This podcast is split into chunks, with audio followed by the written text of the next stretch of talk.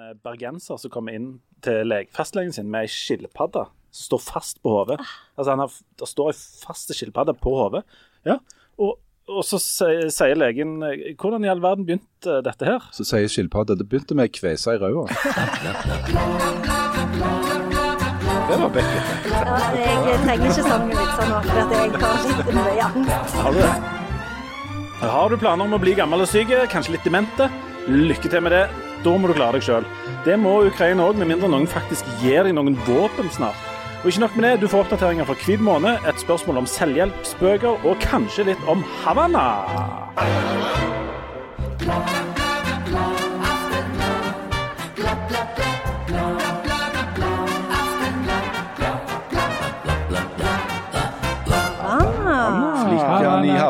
Det er jo en sånn artig ting som kan bety to ting, nemlig det er jo en by.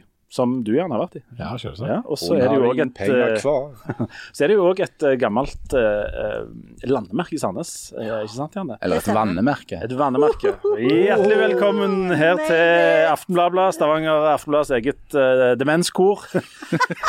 Her har vi kretsmester i Hvem er du? Nei, hvem er du? Hjertelig velkommen til Aftenbladet, Stavanger Aftenblads eget demenskor. Um, Hvem er du? Eh, hjertelig velkommen til Aftenbladet, Stavanger Aftenblads eget demenskor. Her har vi med oss eh, kretsmester i korttidsminne, Janne Stigen Drangsholt. hello. Og så har vi, skal vi se, kretsmester i korttidsminne, Janne Stigen Drangsholt. Hello. Og så har vi kretsmester i kort... Vi må komme videre. Eh, vi har òg klisterhjerne og hvit ridder, Harald Birkvold. Hello. Så har vi eh, elefanthukommelsesmann eh, Jan Zahl. Scheisse. Kjærveis. Eh, Og hva skal vi si om deg i dag? Nei, eh, det er jeg, jeg tenkte jeg Det er vanskelig å komme på noe. Ja, det er det. Du husket iallfall på å kle på deg før du gikk fra, Ja. hjemmefra. Det er bra. Ja, det er bra. Ja. Vi tar Et med oss det positive vi kan, ja. vi kan få. Uh, det er folk som har spurt hvordan det går med den hvite månen din, Harald. Um, Jo, det går riktig godt. ja, gjør det det? Ja. Du kom gjennom dette med støtte fra dine gode venner. ja, jeg får så mye, mye støtte og omsorg av de som er, står meg aller nærmest. Ikke sant? At det er jo det som får meg gjennom denne vanskelige tida. Ja, Senest i går så var vi med på quiz sammen på Martinique. Og der gjorde jo meg og deg Jan, det vi kunne for å støtte Harald under den vanskelige tiden. That's what friends are for. Keep smiling, keep shining. Knowing you can always count on me. Dette er sånn ironisk eller sarkastisk synging. Jeg vet jeg får ingen støtte Nei. fra dere to. Janne støtter meg jo alltid Ja, i tykt og tynt. Men dere to lite å hente. Vi støtter deg jo i å vise hvor stor glede det kan være i et lite glass vin. Men det som jeg Sånn at du har noe å glede deg til som en slags advent. men Ja. hvor mange bonger har dere egentlig å bruke? Vanligvis uendelig, men nå, har vi, nå er vi tomme. Ikke nå er jeg snart han ferdig med hvit måned. Nei, for vi har, hatt, vi har hatt ganske bra bo- bongeuttelling de siste ukene, men det har jo ikke jeg fått noen glede av, selvfølgelig. Det er bare Altså, de to det er sånn at når vi vinner quizen, så får på laget. sånn. Når vi vinner denne quizen på Martinique i Stavanger, så får du sånne bonger. Altså du får noe gratis eh, tilgang til alkohol. En gratis runde i baren. For. Ja, Ja. rett og slett. Og det har, eh, det har jo Harald eh, nytt godt av i mange år, men nå har han jo tatt en pause fra dette knallharde livet. Og da er vi jo påpasselige med å spørre Harald til råds om, om hva disse bongene skal gå til, så vi kan få innspill. Ja. For han, han er veldig glad for det inntrykket av. eh, Ja, da. Syns det er trivelig. Ja, det er så koselig. takk. Ikke sant. Men jeg er veldig fornøyd med den hvite månen, det vil jeg bare ha sagt. Er du det? Altså, det? Ja, det er en bra ting. Ja. Det er akkurat som i fjor. Jeg husker vi satt på omtrent samme tid i fjor, snakket om akkurat det samme, sånn som folk gjør når de har blitt litt oppi året og begynt å gjenta seg sjøl. at uh, jeg vil anbefale faktisk Hvit måne til, til, til, til de fleste, tror jeg vil si. Ja, Men er det sånn at du i år mener at du har bremsa det åndelige og fysiske forfall du er midt i et sånn fritt fall i? Ja. Det funka jo åpenbart ikke sist, så hvorfor skulle det funke nå? Ja, men det, altså, du føler du sover litt bedre, du er liksom litt mer opplagt om morgenen. Du er liksom For det at jeg vet jo, jeg er ikke noen, på ingen måte noen fanatiker. Uh, men, men. Jeg, jeg ser, men jeg ser at de har et poeng, de som sier at altså, det tar jo noen dager fra du har drukket til det liksom er ute av kroppen. Så, så selv om du bare liksom drikker et par ganger i uka, så er du aldri helt ute ute av systemet. Og det er ganske greit eh, i sånn detox-sammenheng, tror jeg, noen ganger å bare rett og slett være giftfri. En liten periode. Og så kan du begynne igjen med hedonismen. Du har vært veldig mye gift og du har skilt deg veldig mange ganger. Men, eh, Du har vært gift i mange perioder. ja, ja, ja. Men, men Havner alltid utpå igjen. har har- har vi kommet til den datoen i året der de fleste har gitt opp Ja, vi har eh, akkurat passert forsettene Det, det, var, det var i forrige uke. Mm. Var det så Eh, tidlig? Når uh, er det? Ja, altså Det er den uh, De- de. Forrige mandag var det. Ja, der er, der er, Dette stammer jo fra den der Strava treningsappen, som har eh, gjort en sånn svær kartlegging om når folk slutter å springe. altså Når de nye brukerne bare gir seg. Mye av dette stammer derifra. Og den eh, altså andre eller tredje uka i januar, da, Da det da ryker de. Da, Ja, da, de er, sier- da er de nede på færre brukere enn de hadde i Ja, for det er noen som har gått litt bredere ut òg, og så sett på hva er liksom årets verste dag. Og der, der har det liksom pekt seg ut en dag med, med, de- med mye data inn, da, parametere og forskjellige ting, at uh, den andre man, nei, tredje mandagen i januar det, Hvis du bare kommer deg gjennom den, så går du bare oppover. For det at januar er sant, januar, en måned for spesielt interesserte, en måned for brutte forsetter, eh, en måned for brutte forhold. Eh, det er mørkt og jæklig ute. Eh, regningene kommer, sant? Det Jul, julemoroa skal gjøres opp, ikke sant? og det er et nytt år og kommunale avgifter. Altså, det er alt på en gang. Så den tredje mandagen i januar skal du passe deg litt for. Men nå er, vi, nå er vi over den. Rep. Med god margin. Og her er vi jammen ennå på et slags vis. Nå går det bare oppover. Ikke sant, Janne? Er du veldig sliten? Jeg måtte bare spørre. Jeg, jeg, jeg har fått sånn rykning, har jeg sett det på deg nå. Ja, du har hatt den igjen nå. Ja, jeg har det. Er long covid? Men er Det det, er sånn er, dritlang covid du har fått. det sånn. Evighetscovid. men hva er det, er, hva er, rykker er det noe spesielt nå det er rykker i? Nei, jeg vet ikke. Hva er Jeg det du har sagt ja til nå å gjøre? Ja, det er vel kanskje det som er problemet. Ja. Jeg skal til Ålesund i morgen. Ja, ja. Jugendbyen. Fint Ja. der. Ja. Jeg er veldig redd for å dø. Eh, I. Ålesund, Ja. eller? Særlig når jeg skal steder. Ja, for du har ikke Eh, lyst til å dø i Ålesund? Nei, liksom. det er nettopp det. Og så har jeg jo undervist i The Road denne uka, så jeg måtte lese den på ny. Det er lystig. Ja, så jeg har jo grene hele uka. Så jeg vet ikke, jeg syns det er litt tungt, jeg. Men har du sett Og den der eh, avslapningsteen som jeg har kjøpt, den er jeg skikkelig lei av. Har du òg den? Jeg òg har den. Den virker ikke. Nei, Jeg hater den det er bare tull. Det gjør vondt. der. Men har du, har du brukt noe tid på å se på um, Demenskoret Nei. på NRK? Har du ikke det? Nei, det er det siste, det siste jeg trenger i livet mitt nå. Det er i tillegg å være redd for å bli dement, faktisk. Vi skal snakke om det i én time. Nei, det skal vi vi det ikke. skal vi faktisk. Jeg, jeg har heller ikke sett et minutt av det, men jeg har sett veldig mye stoff om det. Ja. Sant? Og blant annet et intervju på Dagsrevyen, eller hvor det var med han som er sånn dirigent. For virker jo som en utrolig hyggelig fyr. Um, så, og det, det virker jo på meg, eh, som ikke har sett det, som om det er veldig sterke greier. da. Det er det. Altså, jeg har jo, um, hjemme hos oss har vi jo fordelt det sånn at vi, vi ofte ser på de samme programmer med to helt ulike erfaringer. Jeg sitter og ser på litt på Demensko. Eh, Kona mi sitter også og ser på det, og hun griner jo på en måte fra, det, fra intromusikken til rulleteksten. For For du sitter og humrer og ler. Nei, og jeg sitter og, og Og Men griner for det er så skjærende surt. Nei. Du har Nei. absolutt Det er sånn som det er hjemme hos deg, da. Det, det, er- det er mer mitt, mitt uh, blikk, det. Ja, det er veldig synd på dem, men det er ikke særlig fin sang.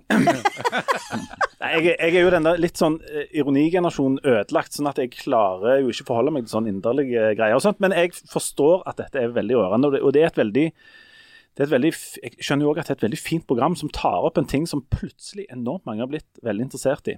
Um, dette er jo for de som ikke har sett det, eh, NRK som har samla en gjeng ganske forskjellige folk med demens. altså Alt fra folk som er midt i 40-åra til veldig gamle. Og Så starter de et kor fordi at eh, musikk eh, har en, en effekt på eh, demente. Og Så snakker de òg om forskning rundt eh, demens og alt dette. Og det, er et, det er et veldig bra program. og Det har jo ført til at veldig mange har begynt å snakke om både demens og alderdom. Dette ble jo litt sånn ytterligere forsterka denne NRK-dokumentaren om, om eldreomsorgen. Um, men, men dette demensgreiene har, eh, har jo da eh, blitt eh, kommet litt samtidig med at helseministeren har begynt å snakke om eh, egentlig begynt å si rett ut at når dere blir gamle, så må dere klare dere sjøl. Lykke til. Du må jo ta litt ansvar for egen alderdom, ja. Det er det du må. Lykke Det- til. Ja. Lykke Finn egne minnbånd. Minnbånd. Husker dere minnbånd? Ja, det ja. Det er fin tid. Det var flott tid. Men um, framtida ser litt sånn ut. Det blir flere eldre. Det blir flere som trenger hjelp. Uh, vi har problemer med å få helsepersonell til å stå i jobb. Og ehm, jeg har ofte tenkt på sånne eldre greier som det er noe jeg skal bry meg om når jeg er eldre. Eh, men det er jo dessverre ikke sånn. sant? Nei, du er jo eldre. Før du blir eldre, så har du veldig ofte eldre. Ja, For de som kalles foreldre, da. ja. De er for Eh, eldre, faktisk. Ja. Eh, og så, sånn at Dette er jo noe som tangerer livene til veldig mange i Norge akkurat nå. Enten fordi de er i, i selveste målgruppa eldre, eller fordi de er pårørende til noen som er, er gamle eller i ferd med å bli det. Eh, og Det er klart det er ganske skremmende, skremmende tall du blir presentert for. Eh, både på lokalplan og på riksplan, og for så vidt òg på, på globalt plan. Fordi at eh, F.eks. Når, når kommunedirektøren i Stavanger eller kommunedirektøren i Sandnes en gang i året legger fram handlings- og økonomiplanen, som mange kaller budsjettet, så er jo det den faste bekymringen. Hva i all verden skal vi finne på for å kunne ta vare på alle de gamle som, som kommer nå? Eh, og Erling Holmøy, som er forsker i Statistisk sentralbyrå, han har jo sagt at eh, bare vent. altså I, i 2026, 27, 28, da kommer det virkelig. For det, da kommer det noen av de virkelig store kullene eh, inn i statistikken. Eh, altså denne etterkrigsgenerasjonen som nå begynner å bli godt voksne. Så regnestykket går ikke opp hvis du ser nøkternt på det. Det er ikke nok folk i helsevesenet, i omsorgen, til å ta vare på alle de folka som vil komme til å trenge hjelp i årene som kommer. Eh, og så er det jo noe sånn hjerteskjærende med det òg, at eh, når, folk blir veldig gamle, men hodet ikke følger med, at du kanskje har 10-15-20 år på slutten av livet ditt hvor de kognitive evnene dine er veldig svekka, og du trenger veldig mye hjelp, kanskje til og med døgnkontinuerlig hjelp, eh, så er jo det en pasientgruppe som er enormt eh, kostnadskrevende, altså ressurskrevende. Og Hvordan skal vi klare å få til det, når det allerede i dag er en stor mangel på helsepersonell? Det er en stor mangel på psykiatrisk, geriatrisk eh, kompetanse. Eh, hvordan skal vi skaffe oss den? Når, når norske jenter og gutter ikke nødvendigvis velger det, det, den, den veien å gå når det gjelder yrkesutdannelse. Og det er ikke bare det at de ikke velger den, men de som velger den veien, altså vil jobbe, de som skal jobbe i helsevesenet, der er jo òg å jobbe med eldre sistevalget. Altså eh, leger og sykepleiere og sånt, de vil eh, helst jobbe med unge folk, rett og slett fordi antakelsen er der at det er jo kjekt å jobbe med noen du kan kurere for noe. Eh, og, og eldre blir eh, havner liksom langt bak køen. I, I dette demenskoret i går så var det en av disse deltakerne som forklarte liksom sykdommen sin med at han, han hadde en følelse av at det var et svært sånn viskelær montert bak han. Så når han gikk, så viskte det viskelæret ut på en måte alt som han gjorde. Um, og så er det jo også symptomatisk at det da sitter der ei kone på sida som forteller at det er en enorm jobb for hun å liksom være pårørende her, eller være, være kone. da. Og Det har slått meg i de den eldre diskusjonene som har vært i det siste, at um, det der med å være eldre og forholde seg til det, er jo ikke noe vi kan vente på til vi blir det sjøl. vi, må, altså, vi må forholde oss til det nesten alle hele tida. Og så er det jo òg interessant at eh, for hvis du tenker på forskjellen på oss og den tidligere generasjonen, er jo at vi har jo fått barn seinere òg. Sånn at det, det, det har jo òg vært mye snakk om eh, at vår generasjon er i en litt sånn skvis, fordi at det er jo mange av oss som fremdeles har ganske små barn, eller i hvert fall barn som bor hjemme ennå, samtidig som en har pleietrengende foreldre. Sånn at at det òg er jo et relativt nytt problem, da, som, som en opplever nå. Det er et helt nytt problem. På, Sist gang det var kapittelfestival i Stavanger, eller var det kanskje året før, så uh, var det en kar som heter Audun Mysja som var gjest. Han er blitt kjent bl.a. for sine tibetanske riter. Eh, Som var noe av dette går an, som jo for meg høres Han er greit god puste. Ja, ja, han var også en god pusteteknikk. For meg så blir det litt, høres det litt sånn æ ut. Men Og utstrekning. ja, utstrekning har alltid gjort. Men, men han er i utgangspunktet lege, og han er i utgangspunktet ekspert på aldring. Uh, og, det, det, og, og, og hans engasjement handler om nettopp hvordan skal vi håndtere at det er så mange som blir så mye eldre. Uh, han sa at ifra, fortalte at fra år 0 til år 1900 så gikk den gjennomsnittlige levealderen i verden opp med fem år. Fra 1900 og fram til i dag så har gjennomsnittsalderen, levealderen gått opp med 50 år. Altså Det er så kolossalt vanvittig mange flere som blir så mye eldre at det, det endrer hele måten en egentlig organiserer samfunnet på. Og Han eh, var, eh, sa helt klart at det ikke er lurt å outsource ansvaret for egen helse til helsevesenet. Altså, Helsevesenet har ikke kapasitet til dette. Det er ikke folk, det er ikke midler til å håndtere eh, alle som blir eldre. og Derfor er jo mye av logikken nå i, i, i, håndteringen av eldre er jo at en vil at folk skal bo hjemme i langt større grad. Og så har jo noen dokumentarer på Brennpunkt på NRK nå vist at det går kanskje ikke så bra, altså at det er for få plasser da. Men, men en vil måtte ta et mye større ansvar selv, for det er ikke nok folk til og, og system til å ta opp i seg alle. Men det er klart, hvis du er i demenskategorien, og, og, og liksom, da, virker du jo rett og slett ikke eh, hvis du kommer langt nok. så Da må du ha hjelp. sånn at For at det skal være kapasitet i systemet til å håndtere de som trenger hjelp, så må vi selv ta mye større ansvar for vårt eget liv, vår egen alderdom og vår egen helse før vi er 80. For det, det er et paradoks oppi dette, og det er at um vi snakker om, altså Pensjonister er jo ikke ei, eller gamle er jo ikke ei gruppe. Per Inge Tork, salige Per Inge Torkelsen han satte jo opp et show der han tok dobbel pris fra pensjonister. Fordi at De har så god råd. De har så enormt gode. Altså, den, den jevne pensjonist sitter ganske godt i det. De er ofte gjeldfrie, eier et stort hus og har det, har det bra. altså Har det bedre økonomisk enn andre grupper. Mm. Samtidig så er det jo mange eh, pensjonister som er altså minstepensjonister, folk som har det dårlig, som er alene. Og så er det mange plager som følger av det. altså Dårligere helse, ensomhet og sånne ting. Men, men veldig mange har det veldig bra. og En del av diskusjonen her er jo om disse folka bør både, ikke bare klare seg selv, men òg betale for seg selv. Og hvor mye vi kan kreve av det. Mm. Ja, allerede nå er det jo sånn at det, det, kreves en god del. altså Hvis du får en heldøgnsplass i, i, i eldreomsorgen, så blir jo ytelsene dine fra Nav inndratt, mer eller mindre. Du får jo bare lommepenger. Eh, spørsmålet er jo, altså Før var det jo òg vanlig at, at, folk når de ble eldre, de kom på et såkalt gamlehjem. Og Det finnes jo ikke lenger. Nei, det finnes ikke lenger. Sånn, sånn at, men det finnes jo fortsatt muligheter for de som har ressurser til det, og som, som er oppe og står på alle måter til å planlegge for alderdommen sin ved f.eks. å selge eneboligen og flytte inn i et bofellesskap, eller med vaktmestertjenester tilrettelagt ikke sant? med, med eh, rullestol, altså ikke terskler og, og, stolheis og alle de tingene der. Og, og, og faktum er jo, og det ble jo bekrefta bl.a. av Jan Davidsen som leder i Eldreforbundet, at altså, de aller fleste eldre i Norge bor hjemme og klarer seg sjøl helt fint. Og Det er en bra ting. Det er en kjempebra ting.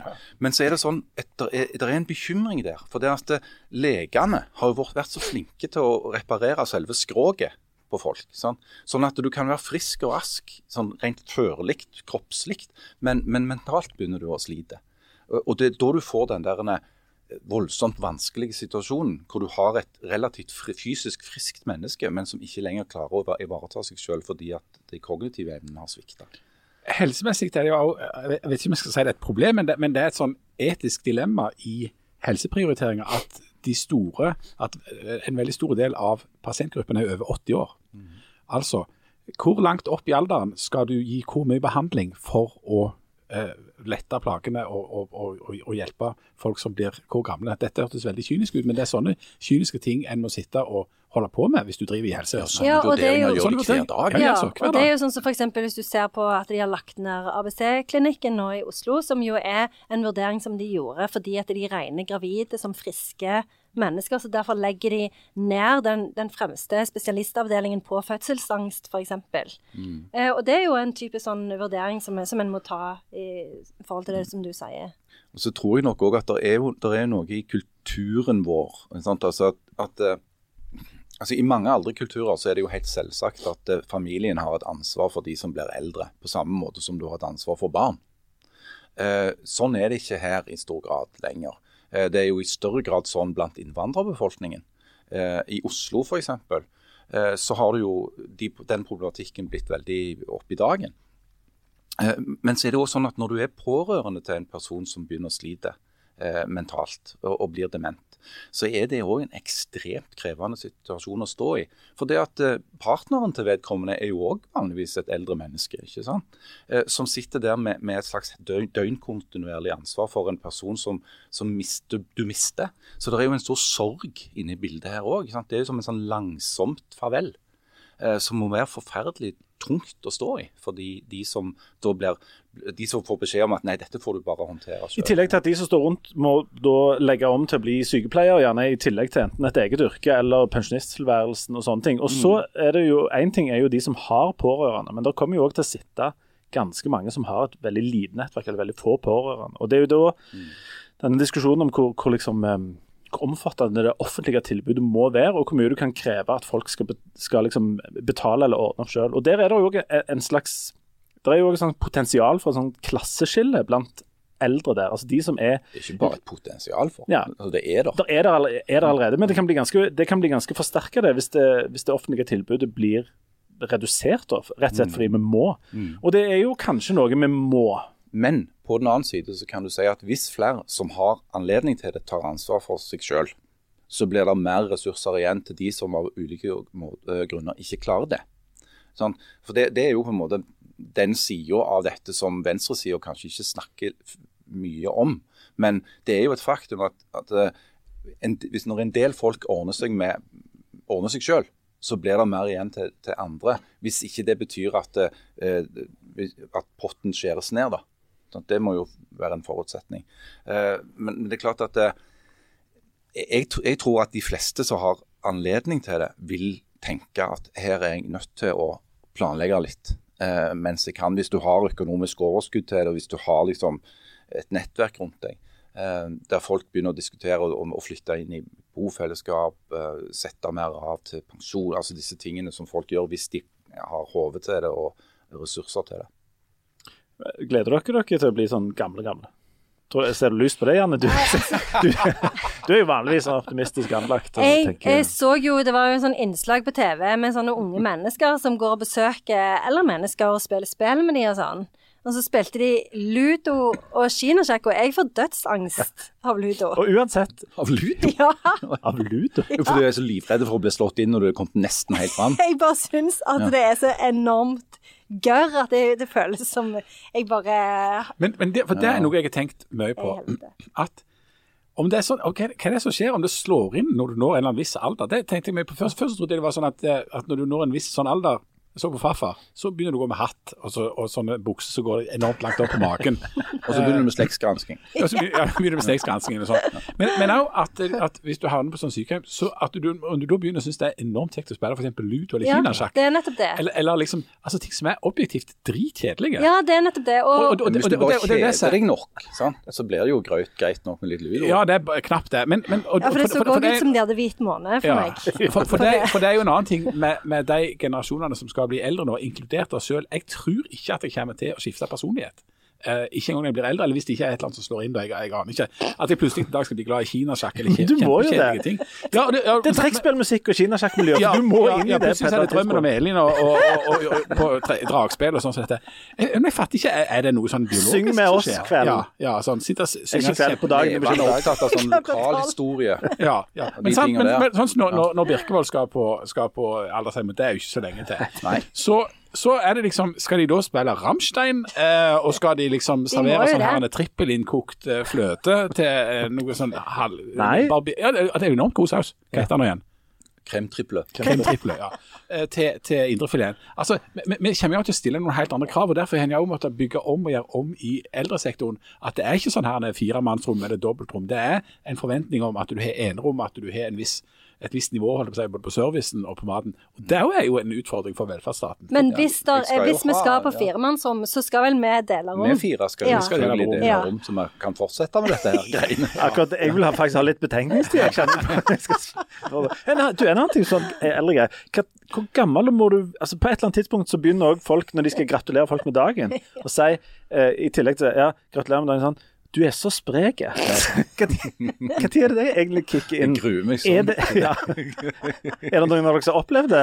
At noen sier sånn gratulerer Ja, men jeg syns du er sprek, jeg. Det var en kamerat av meg som forleden eh, fikk den rett i bjellene at det var et menneske som reiste seg foran på bussen. Nei. Oh, og denne ringen. Ja, Han bare gikk rett hjem igjen. Men, ja.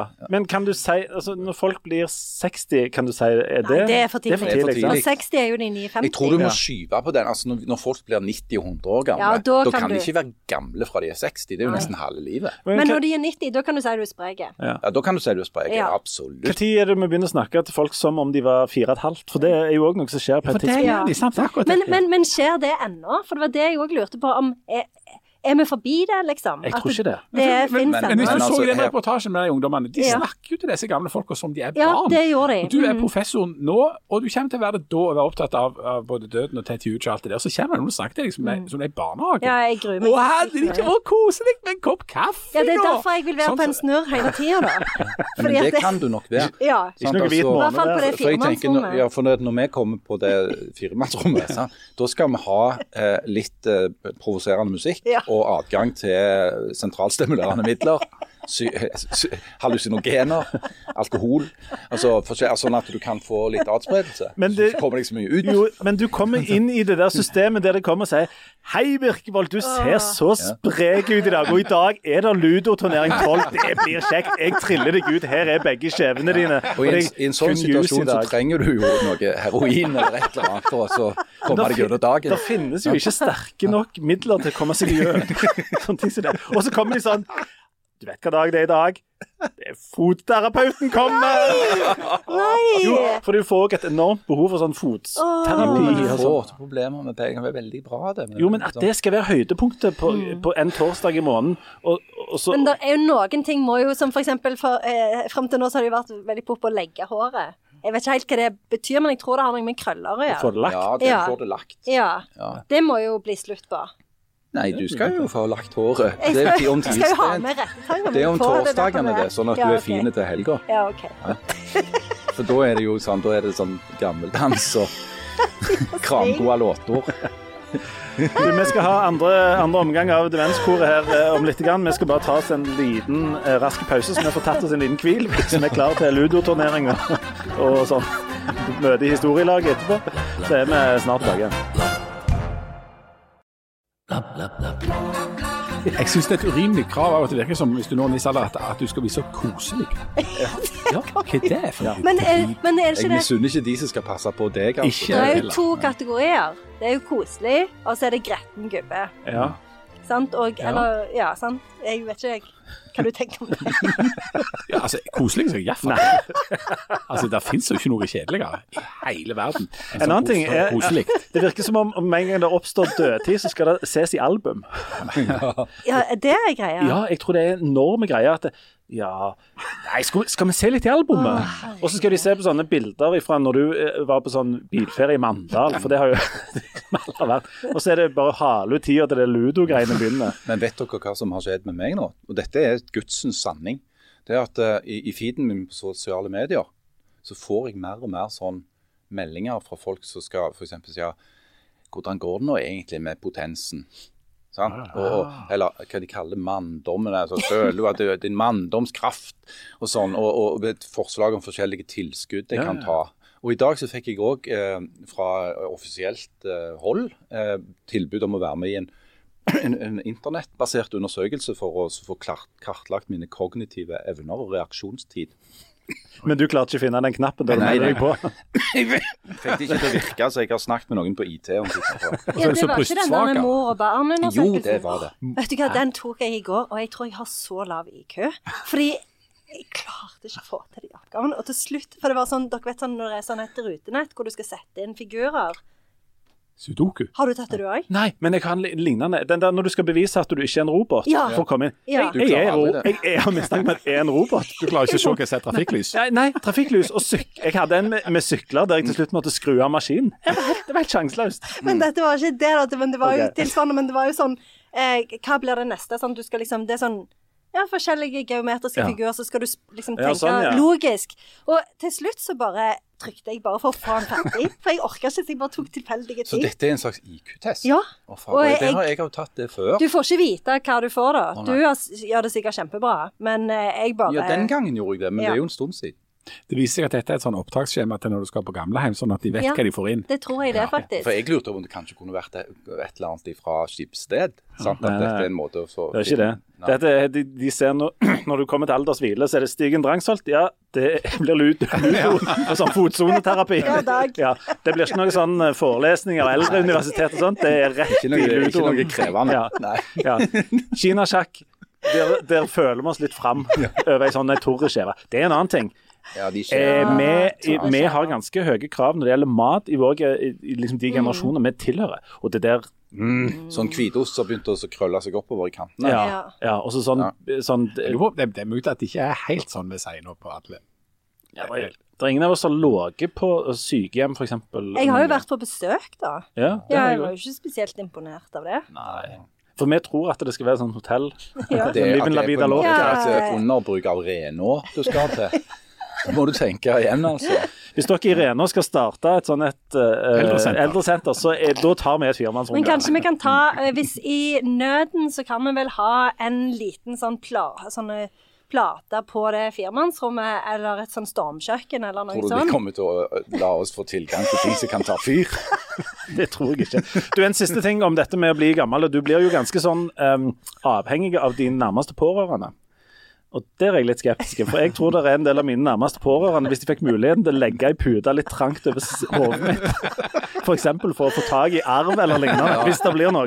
Jeg stoler ikke et sekund på de. Har dere, har Du dere må bare smiska sørge for at det ikke er noe å arve, sånn at de ikke har noe påskudd. Antageligvis så blir det ikke noe, men de vil nok ta sjansen og eventuelt hevne seg for ting som har skjedd opp gjennom. Som, ja. De vil ikke kasse inn en slags vrakpant. Ja. For, for levert deg Jeg Stoler dere på de som skal ta vare på dere?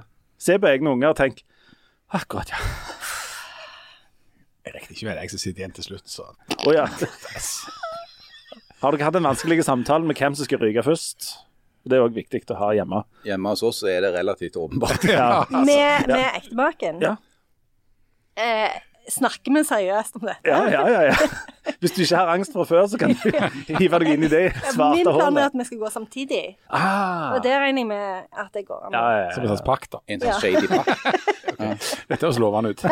Nei, hun, hun, eh, hun, hun så jeg deler hus ja, med de, altså de damene i den familien ble jo haugamle, Å, så ja. hun, hun kommer sikkert til å overleve meg med 50 år. I tillegg er hun 40 år yngre enn deg, sånn at der er, jo, der er det jo Men, litt men hvis hun var gift enormt mange ganger og har enormt mange koner, er det, sånn, er det en sånn oppsamling at de har et slags delansvar? Eller er det, eller, er det, Delkasko. er det, eller er det bare at det er den siste og den nåværende som har ansvar for deg? Altså, Du har jo en del forskjellige damer som du f.eks. kommer med. det kommer kanskje litt an på hva forhold du har til dem, da. Sånn et, Ja, ja. et, etterpå.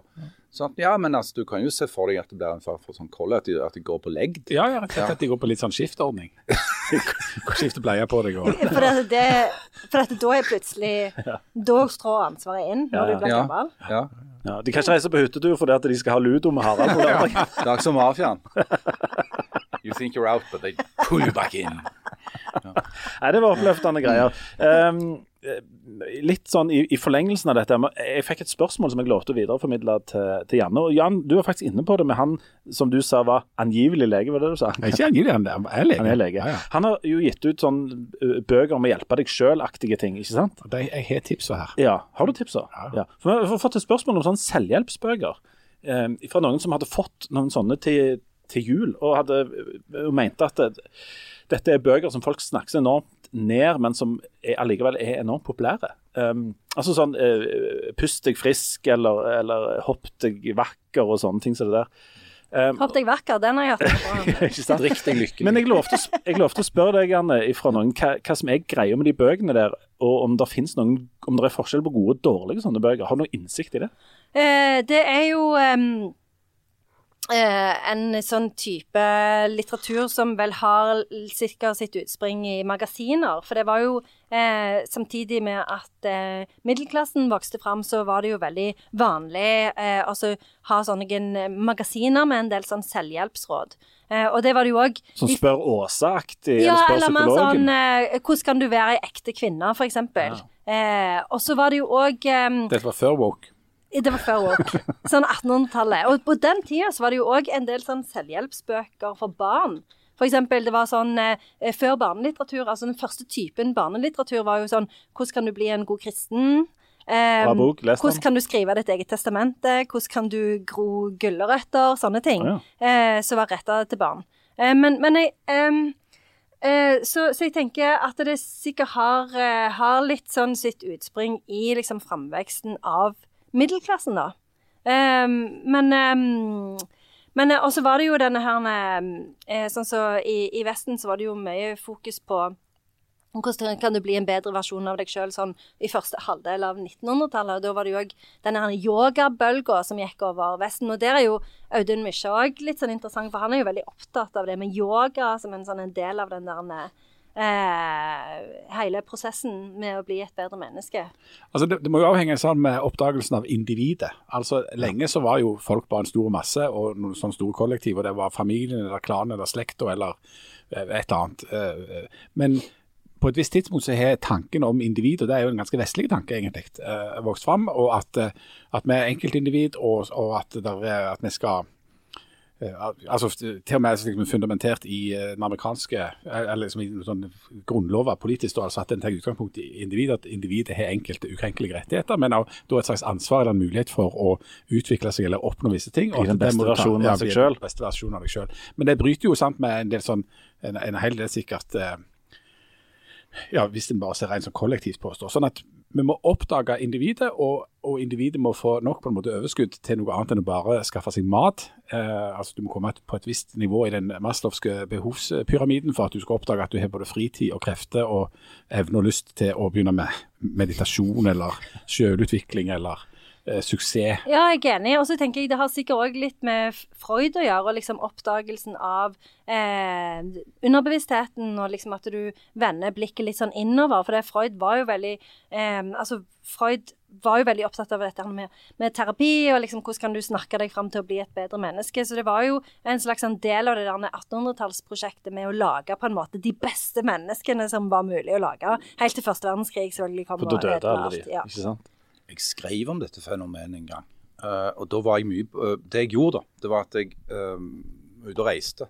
Og så går du på sånn flyplassbokhandler. Ja. Der har de alltid et rikt utvalg av dette området. og sånn Grovt sett kan du si det er i hvert fall tre kategorier. Det er bøker som handler om hvordan du skal få tak i en masse penger. Og så er det bøker som handler om hvordan du skal få pult en god del. Mm. og så er det bøker som handler om hvordan du kan bli skikkelig gammel og veldig sunn og friske og sånn. Mm.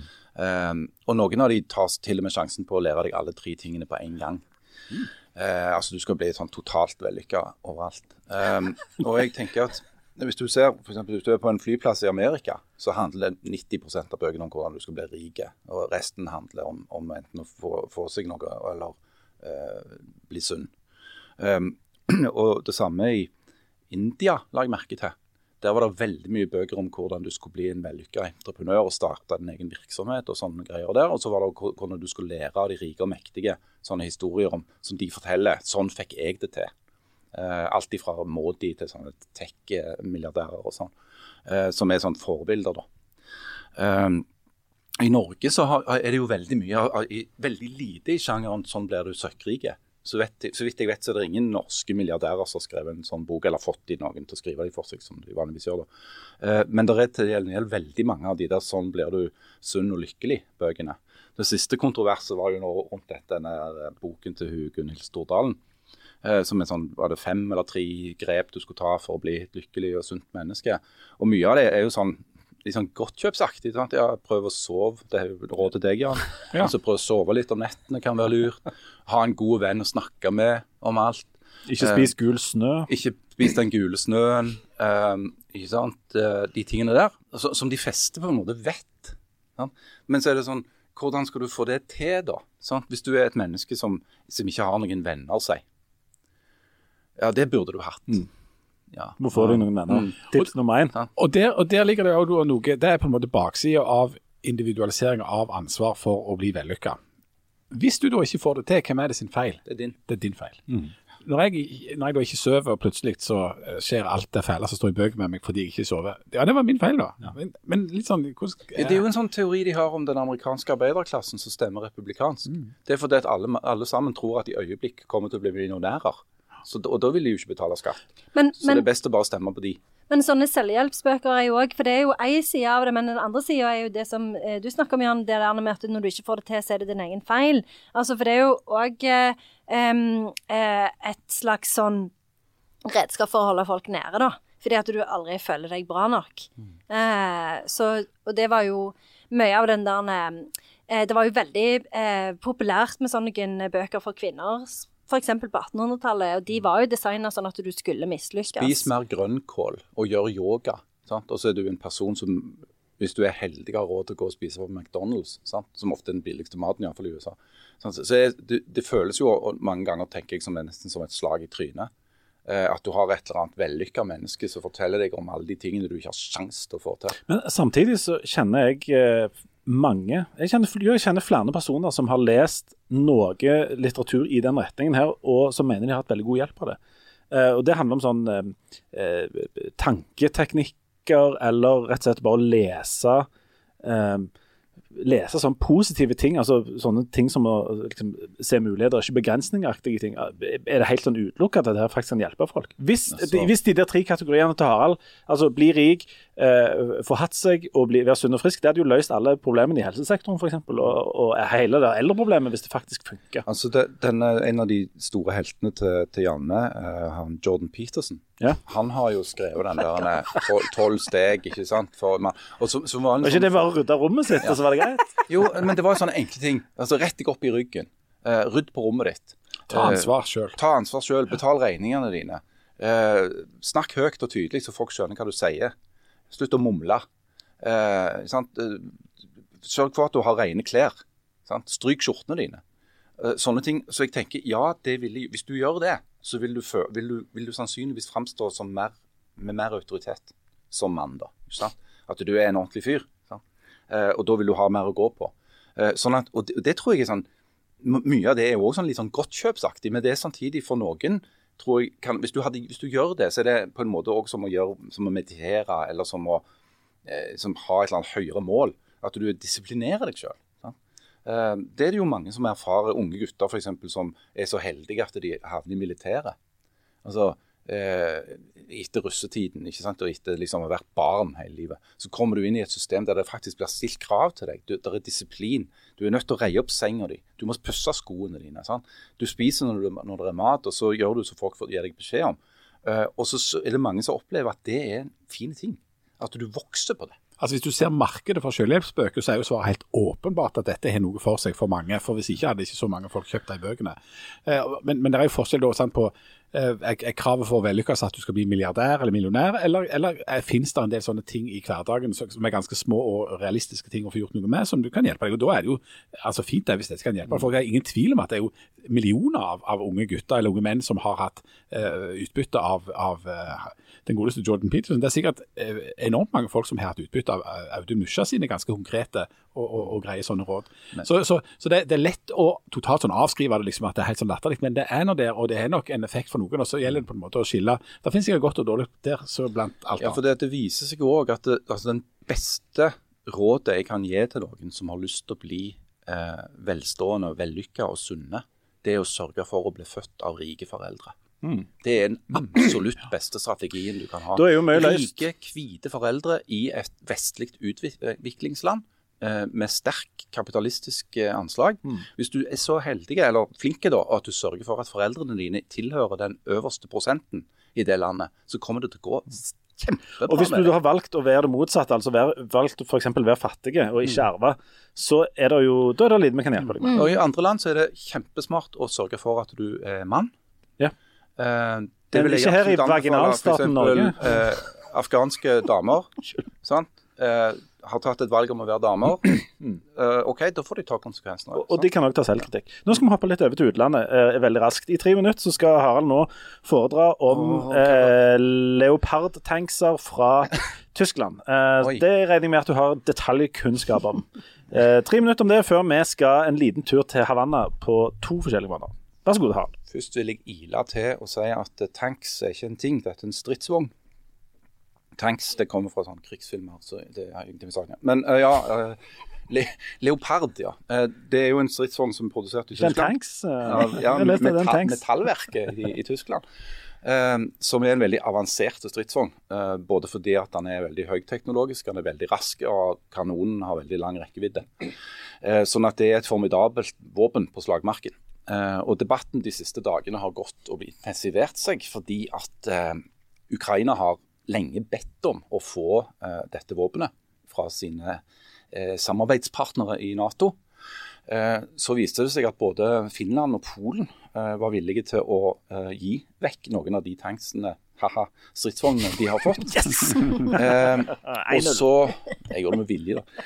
Eh, Fremdeles 1-0. Men så var, så var det en klausul, nemlig i avtalen, når, når Tyskland solgte disse eh, våpnene til eh, allierte, var det under forutsetning at de ikke hadde lov å selge de videre uten at Tyskland godkjente det. Det er ganske vanlig i, i våpeneksport. Det, det, det er sånne klausuler òg knytta til norske våpenleveranser vanligvis.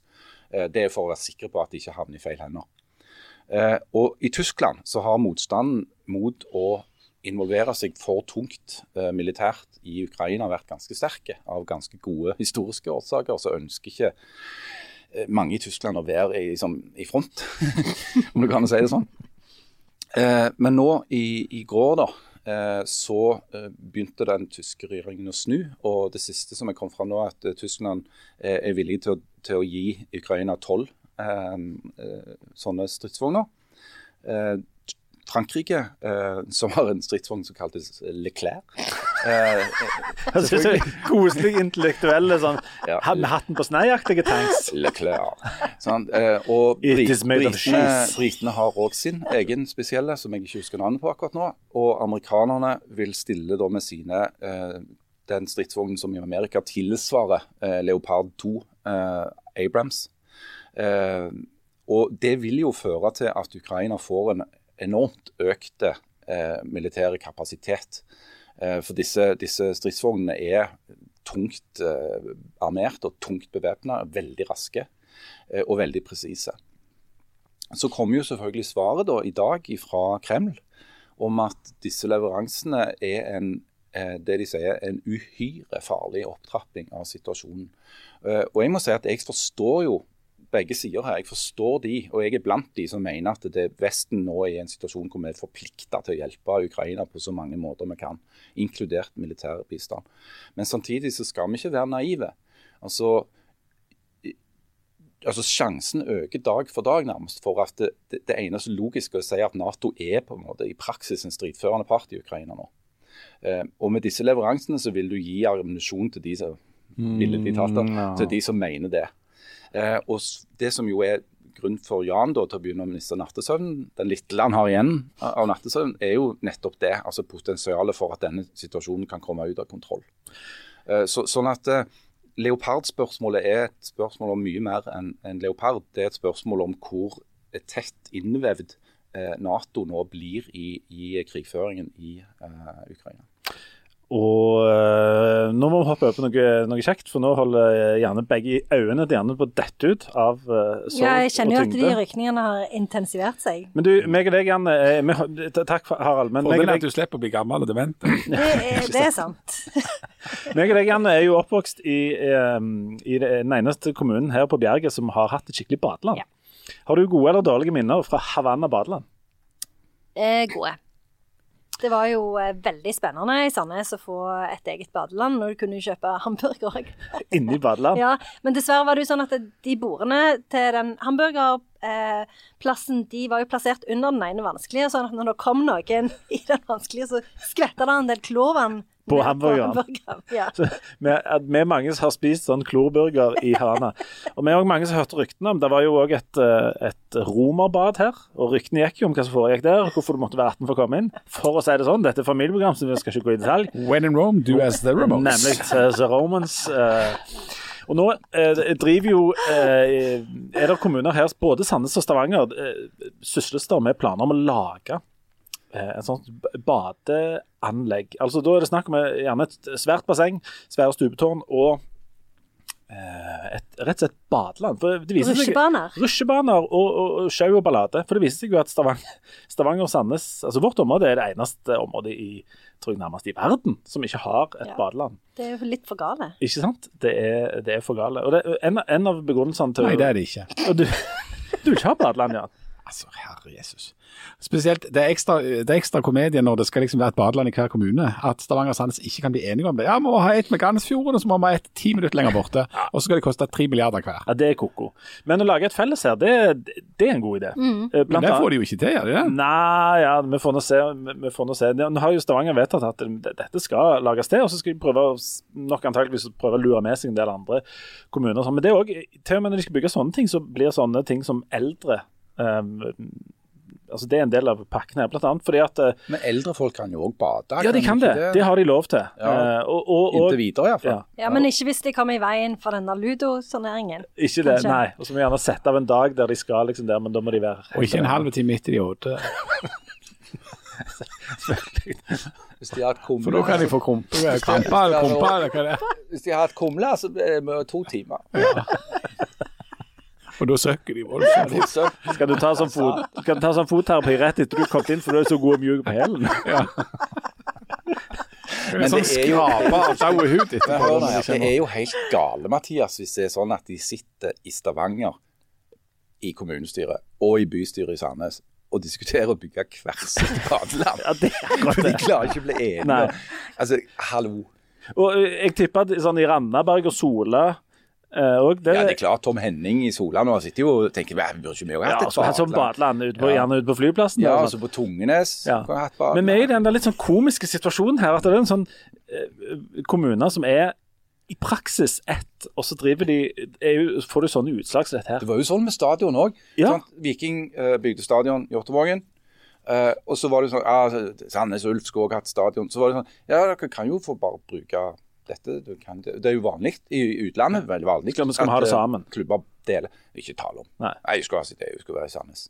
Altså, hvis du først skal spille 11 eller 22 kamper, eller bruke dette anlegget 11 eller 22 ganger hvert år, så er det klart du må ha et eget. Om du tror du bruker fotballanlegg én gang per spiller? Nei, men hvor mange, jeg, jeg, jeg, vet ikke hvor mange, hvor mange er det med i sånn serie? Ikke lag. Eh, Ja. Viking spiller vel Hvor mange, mange kamper heimekamper spiller har de? de? Kanskje en 14-15 Ja, pluss noen cup, pluss litt, forfallende noen privatkamper. Ja, sånn, si 20, da. 20-30 kamper i år på den stadionen Ja, der, kanskje. Ja. Men, Men det- nå ble jo stadion i Sandnes brukt mye av bredden, så den er jo i bruk hele Ja, tida. for det er jo ikke noe, i høyden. Ikke noe høyde, så De må jo bare bruke den i bredden. Men du Janne, fra Sandnes, er det, er det helt utenkelig eh, for deg? Jeg vet ikke hvor gi- gira du er på sånn badeland. Nei, jeg er ikke spesielt gira på badeland, jeg er ikke det. Men, men når du bare blir litt eldre Ja, ja, og jeg ser jo for meg det, hvis det, hvis det er sånn at det var inkludert fotleie, ja. så kan jeg nok være litt Og ludoturnering. Ja. Jeg har vært en del badeland, ja. Eh, inkludert Havanna. ja. Barnebursdag på Havanna har jeg vært med på, så gammel er jeg. Uh, og det er jo ganske kjekt, da. Sånn? For eksempel Pirbadet i Trondheim. Det kommunale halv, Jeg vet ikke om det er helt, hele, hele eller halvkommunalt, men men det er iallfall gyselig flott. Og de har sånn bølgebasseng, og de har sånn klatrevegg. Der du, hvis du detter ned, så detter du bare ned i vannet. Genial løsning.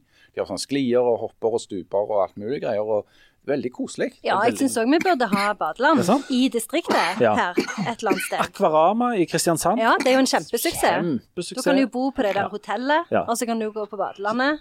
Nå dør har Harald, men det er akkurat nå i sitt eget oppkast. Jeg ble så oppskjørta av tanken på et badeland at jeg fikk et sånt apoplektisk anfall. Men du må ikke dø nå, for da må vi ha inn en annen til ludoen. For det er jo, det er jo et Ja. som det er ikke et Fjerdemann tremannsrom. til bridge. Må jo ha en blindemann. Men jeg eh, er det, veldig god som blindemann i bridge.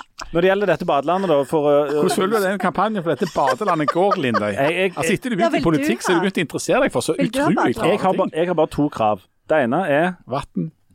Ja, det er for så vidt greit. Men jeg vil at det skal hete bare Havanna. Ja, ja, det ja. jeg Og så vil jeg at åpningstalen skal holdes av Jan, der han skal dosere om når han var i Havanna og opplevde sosialismus på sitt vakreste. For der har du jo faktisk vært. Ja, det var, det er et annet Havanna, kan du si. Ja. Det var mye vann der òg. Men, men hvordan var det i det ekte Havanna? Har de badeland i Havanna? Okay, Det Eller hva hadde de i. Havanna? Ja, det hadde vært enormt kult. Um, De har vel eh, sånn utvendig badevann eh, Så kalles det. Karibiske hav. Ja. Ja, eh, ja. Havanna kommune, hvordan stilte de seg til det? Det var, litt sånn, det var en overraskende vending, dette, Linne. Den så jeg ikke komme. Nei, jeg tror uten å ha vært veldig mye i Havanna eh, på Sandnes, eh, så tror jeg at det som er felles for Havanna Sandnes og Havanna Cuba, er at de er ruiner, på et vis. Altså det er sånn samtidsruiner. Eh, for det var jo et, et, et, et, det det forfall. Havanna var base i Nei, det er ingenting. Det er ingenting. Det er en ruin. Mm. det? Bygge leiligheter der. Det, det er tomt. Det Ja, står bare, ja, det det står bare der. Så skal bygges leiligheter. Mens Havanna i, i, i, Karibien der borti, det er jo en ruin av en av de flotteste kolonibyene som fantes. Altså, Å, kolonitida, det var flott. Kolonitida. Altså, det, det, ja, ja, altså, det, det, ja, og, og det er fordi det heter den stil som heter It's the kolonial. idea that redeems it only. Ja, det er colonial altså, stil som er en slags form for arkitektur disse imbesilene ikke vet om. Så det, ja.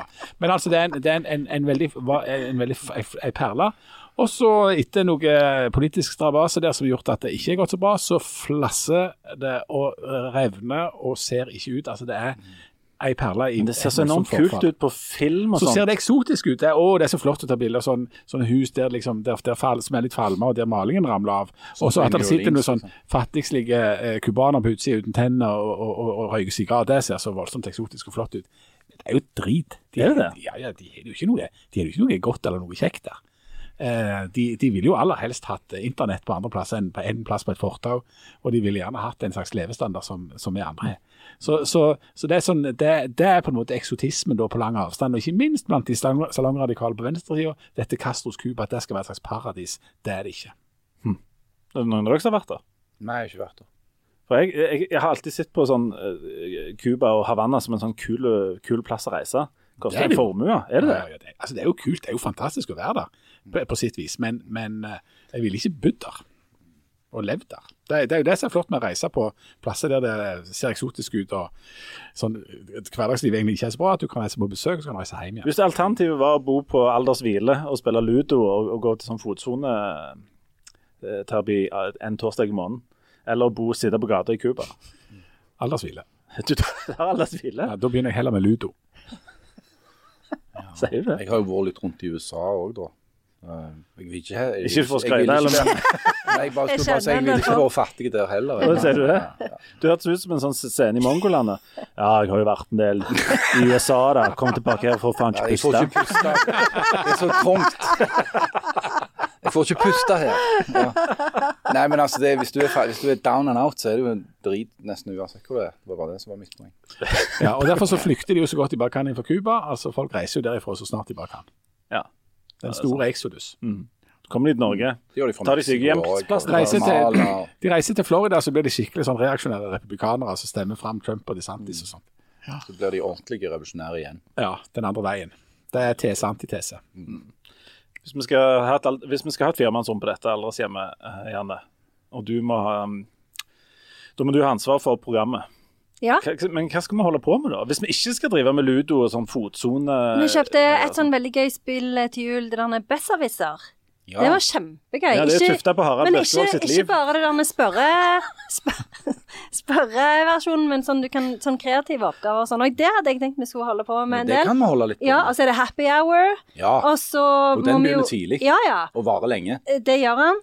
Og så må vi jo følge med på en del serier. Snakke Happy litt om de. hours.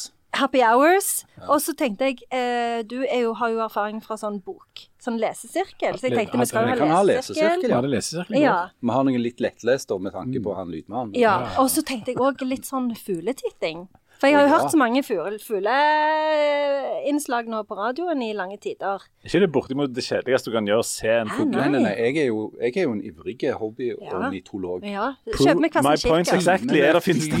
Timene flyr. Jeg tror det blir gildt, jeg.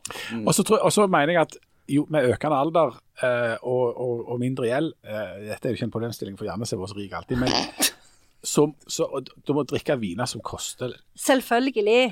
mer enn en 120 Men, eh, kroner men jeg flaska. syns Sånn. at det skal, det skal være en tirsdagsvin her og der, sånn at vi kjenner litt sånn forskjell. Ja, ja. Eh, Det skal det. Billig skvip på tirsdagen, Ja. og så øker vi utover i uka opp mot uh, Grand Cru-nivå. Oh, ja. eh, og årgangssjampanje. Kan vi, kan vi arrangere sånn turer i minibuss der vi reiser rundt og ser på arbeiderklassen? Og så Ja. ser på dem med sånn sosio ja, ja. sosiologisk Ja, ja, ja. blikk? Ja, ja. Linke til kaster tusenlapper på dem. Ja. Det er ikke løye dere har det, så dere har det! Ler hjertelig. Ja. Mm. Les denne selvhjelpsboka. Ja. Se hvordan de springer etter lappene. Ja, nå, nå fikk de fart på seg, ja. Og, og, og i den anledning så kan han anbefaler Nå ble jo eh, Oscar-nominasjonene kom jo nå her eh, denne uka, eh, og da ble jo den svenske egentlig 'Triangle of Sadness' eh, nominert. Den handler jo om de superrike. Ja. Ruben Østlund sin satire over de superrike. Er den så god som alle skal ha? Jeg har ikke sett den. Han er god. Jeg legger han en femmer når jeg anmeldte han, men det var, det var en av mine favorittfilmer fra i fjor, så der syns jeg at Oscar Akademiet har gjort en god jobb. Jar- Jarkveld, som de sier. Da var jeg på Sølvberget og hørte foredrag om en britisk sosiolog som jeg ikke husker navnet på i farten akkurat nå, men som har skrevet en bok om de superrike i London. Det var kjempeinteressant. Eh, For det hun har gjort med en sånn sosiologisk eh, oppsøkende metode, da, kvalitativt gått rundt i, i de fornemme strøkene i, i London og snakket med folk hun har truffet. Eh, Så å si alle sammen under, altså anonyme, da. i boka. De har mer sånn generiske navn.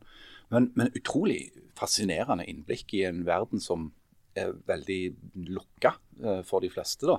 Eh, men som òg på, påviser ganske tydelig hvordan denne her altså London har jo tiltrukket seg eh, superrike. Altså sånne, ikke bare sånn vanlige millionærer, men sånn mange milliardærer fra hele verden eh, de siste 20 åra.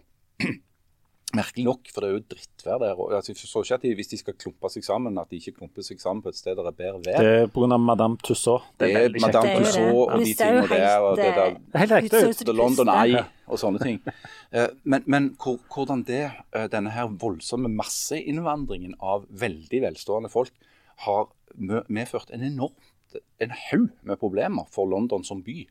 Eh, blant annet, eh, altså, det er jo en sånn form for supergentrifisering. Så, så, folk med helt vanlige, gode inntekter, middelklassen, øvre middelklassen, har nesten ikke råd å bo i byen lenger. I de strøkene hvor de pleide å ha tilhold.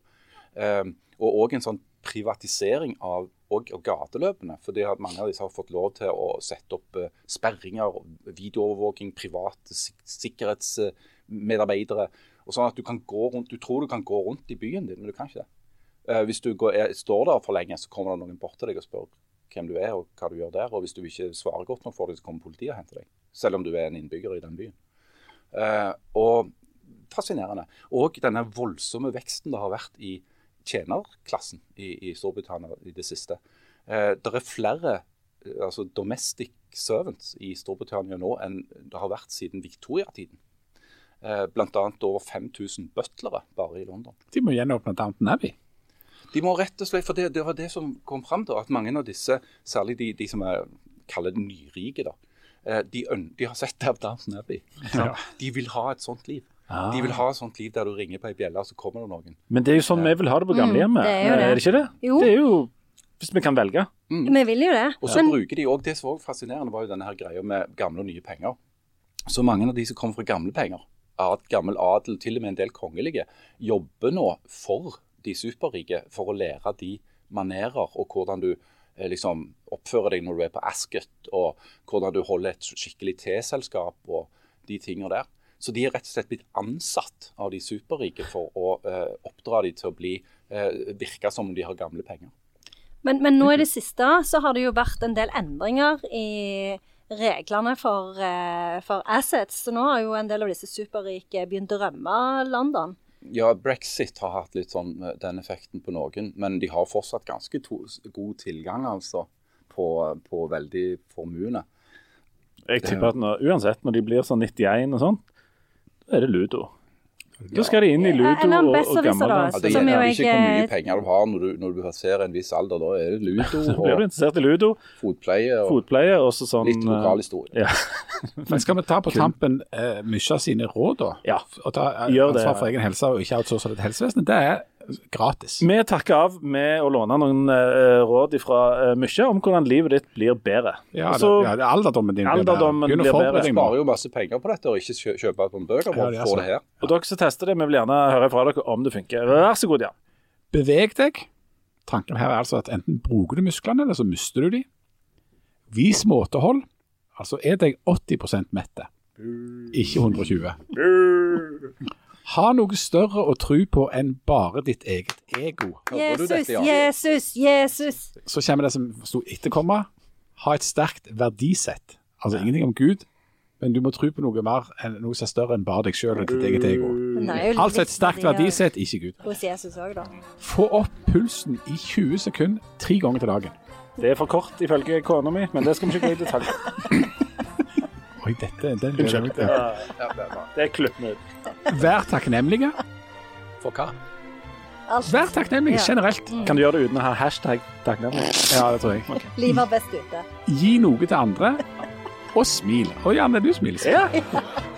Det er det rådene? Det er rådene. Det er, det, er, det er ganske enkle ting. Ja. ja. Største glede du kan ha, ja. det er å gjøre andre glad. Det er så sant. Men ellers er det forunderlig at du kan Er vi ferdige? Ja, da har vi sklidd over i ferdigheten. Ja, okay. Det er løye at du kan eh, Både løye og ikke løye at du kan tjene Altså du kan gi ut bøker der du bare sier dette med veldig mange ord. Og så er det så mange som setter så enormt pris på Mm. Og så sier de sånn Å, det var klokt sagt. Ja. Og jeg har jo merka det når vi har tøyst med, med Trygve Skau-kopper. Mm. Eh, der treffer vi òg noe som, eh, der jeg forstår at jeg er i utakt med så enormt mange. Ja. Som syns setter så enormt pris på ja, det med kopp. Jeg satte en kopp som Ja. jeg fikk eh, på pulten din i går. Vi har noen kopper. Har vi? Ja. Jeg glemte helt koppene, mens eh, den offisielle Det ble sånn bonuskort. Ja, ja, bon bonuskort. For den, den fikk jeg eh, Den, den ble litt innlevert i resepsjonen i går. går. ja. Den som du pakker opp nå, Janne. Den her Der er står det bare en la- gule lapp med Aftenblad-blad. Bokenes barnehage. Bokenes barnehage! Og så er det en lapp oppi. Der er en lapp inni. Oi! Jeg har fått kopp fra Ja, les det. Er Les det. Les det. Her står det Og hold dere fast. Heia Janne. Hæ? Hilsen Sandnes-patriotene Frank og Anne Berit i Boganes barnehage. Vi er òg litt slitne.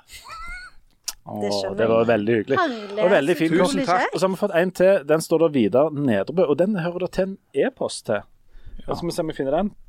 Um, der står det uh, gode Aftenbladet. Takk for tidvis informativ, Jo, takk skal dere ha. tidvis opplysende og konstant underholdende lytteropplevelse. Takk. Eh, her kommer det en kopp levert i resepsjonen, ja, som kan minne dere om at selv om media ikke alltid bruker å framstille det slik, så er finansminister og partileder Trygve Slagsvold Vedum en meget blid og positiv mann. det er jo ikke alltid han framstår som blid og positiv det, i han framstår jo ofte som litt sur. Selv med en krevende jobb er det en god latter på vei. Og så vil han gjerne ha mer om to temaer. Eh, media sin rolle og sin makt med å framstille og underbygge politikere som enten engler eller demoner. Og så vil han være sentrum og periferi.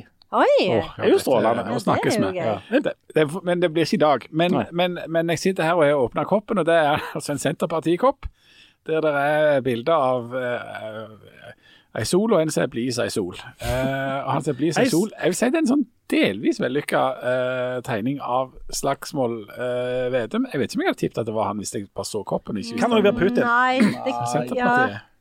Ja, men det skal være han, da. sikkert. Det ligner litt på Einar Gerhardsen. ja, det ligner på Einar Gerhardsen. Ja, ja, Men det er ja, den ja. offisielle Senterpartikopp. Den offisielle, ja. ok. Jeg tror det. Og der har altså faktisk Einar Gerhardsen blitt partileder. Da har de gått i voldsomt kompaniskap med Arbeiderpartiet. Dette er jo en interessant, rent sånn politisk, eh, historisk Som jo er det nye Arbeiderpartiet, sier de, og hva ville Gerhardsen gjort?